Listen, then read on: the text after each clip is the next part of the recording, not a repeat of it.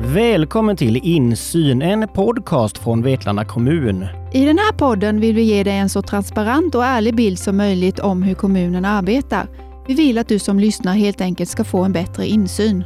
Lekplatser är en fråga som engagerar gamla som unga. Det är viktigt att alla barn har möjlighet att vara ute och leka på fritiden och att det finns någonstans att hålla till.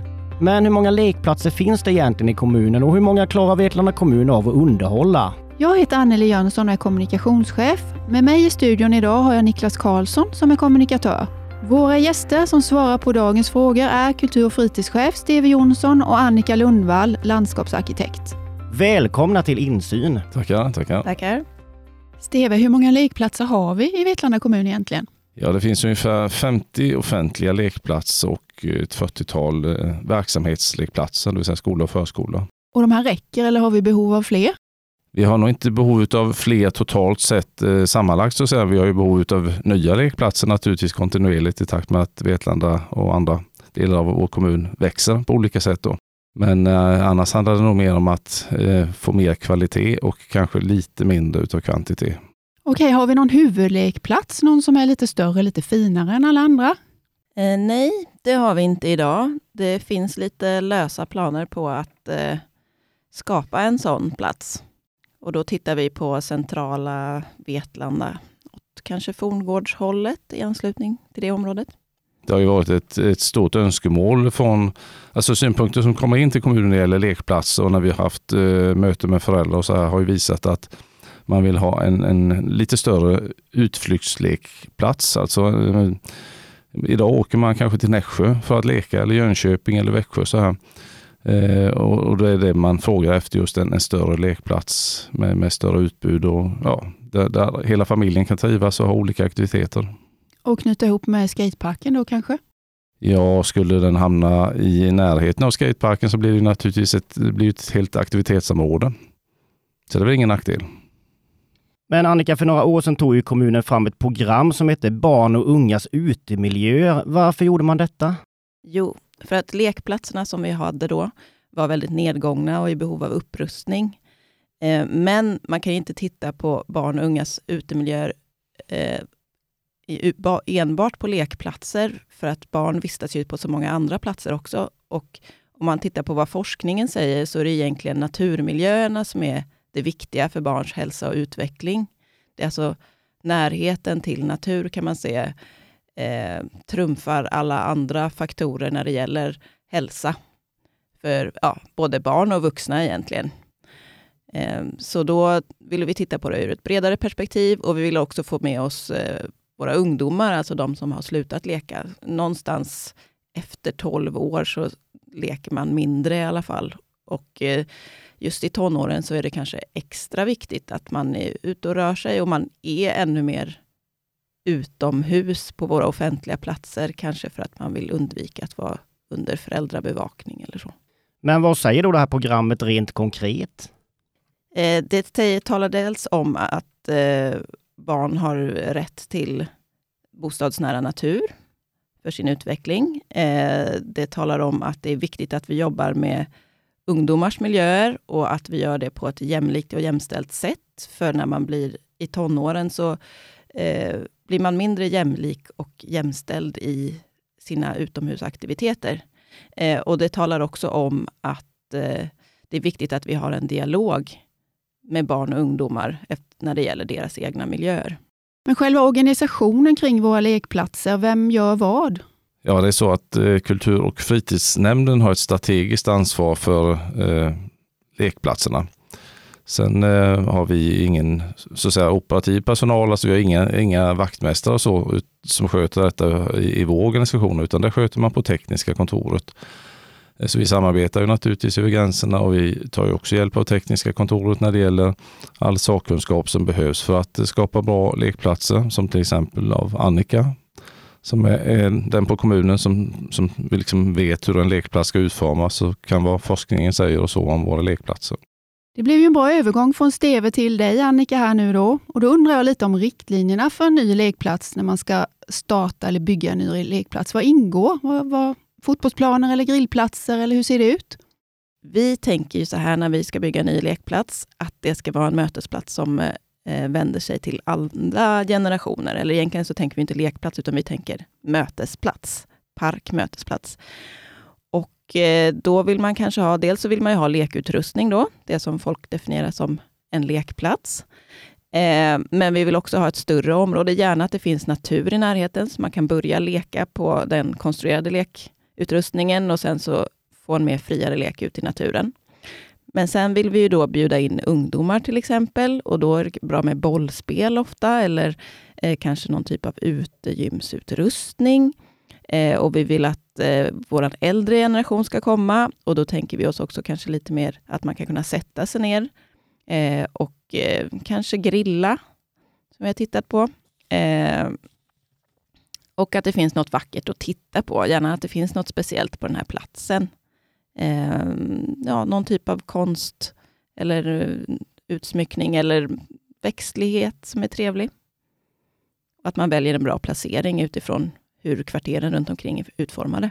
Och hur går det då till att planera för en ny lekplats?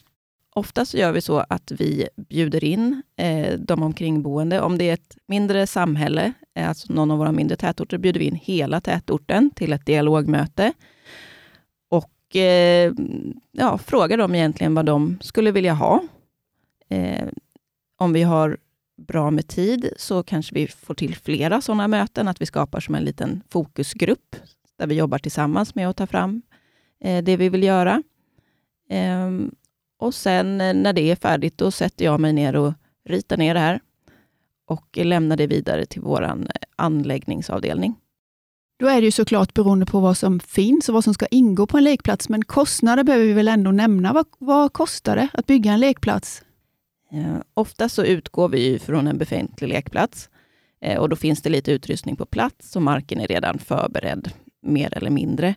Och då går det kanske på 500 000 om vi har tur.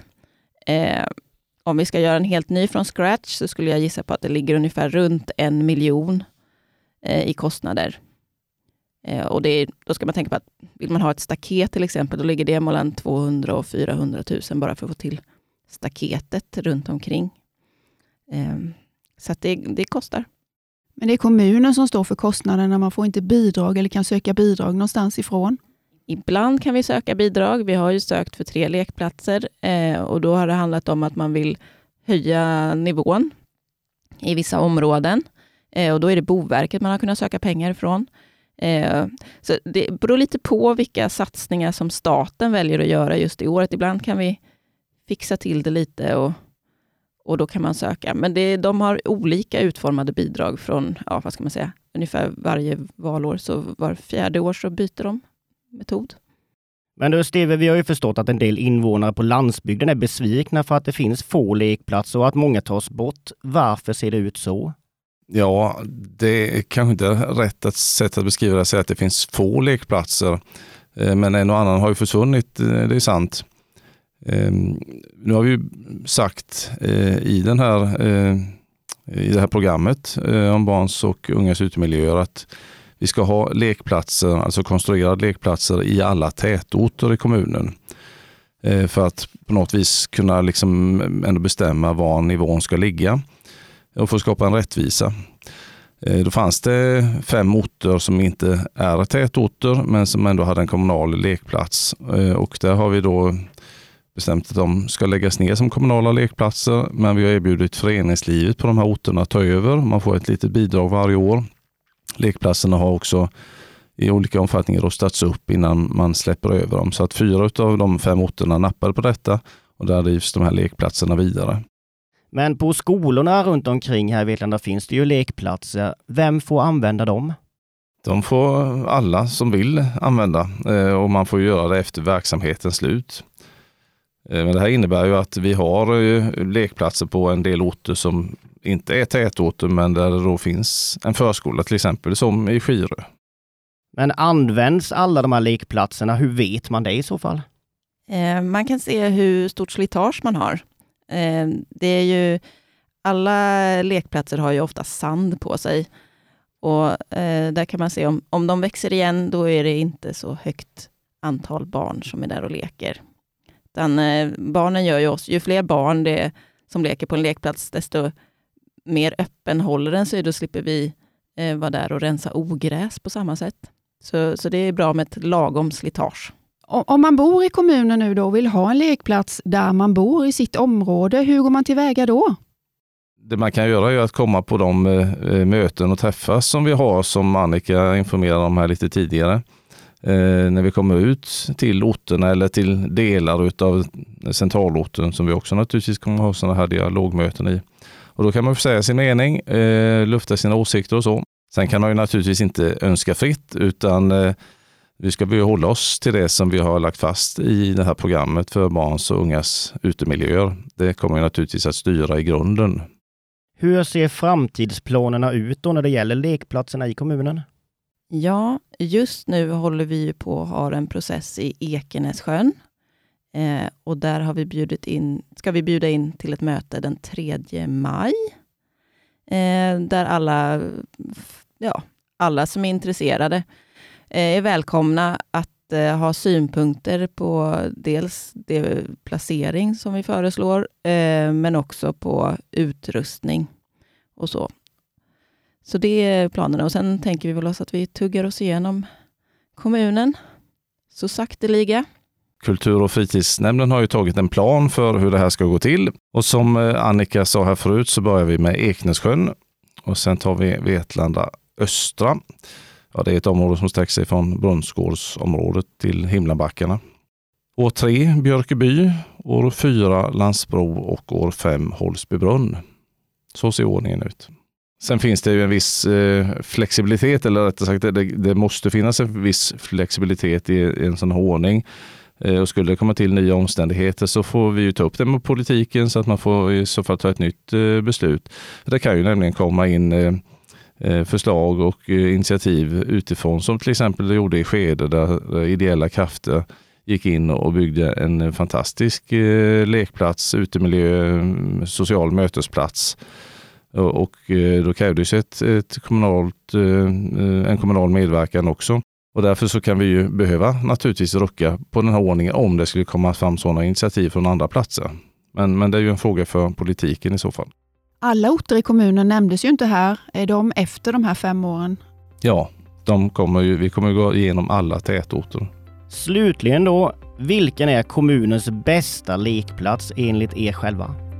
Ja, nu är man ju inte i ålder att man är ute och leker så mycket så att det beror nog väldigt mycket på vem man är som individ och vilken ålder. Så där. Men, men det är klart om man tittar på det lite från sidan så där så ser det ut att vara väldigt fina lekplatser. Till exempel i Kantarellen, i stationsområdet i Vetlanda och kanske inte minst då i Skede som vi nämnde förut där man har skapat en, en hel mötesplats med aktiviteter för alla åldrar. Och det är ju egentligen det vi vill ha på en, en sån konstruerad lekplats. Ja, och jag vill ju då slå ett slag för naturen som är flexibel och där man har möjlighet att bygga kojer och springa runt och leka kull och eh, Datten tror jag det heter här i Småland, bland annat. Så det är ju den, den bästa lekplatsen. Tack så mycket för att ni kom till vår podd och svarade på våra frågor. Tack så mycket. Tack för att vi fick komma hit. Och till er som har lyssnat, vi är tillbaka nästa torsdag med ett nytt ämne och med nya gäster i studion.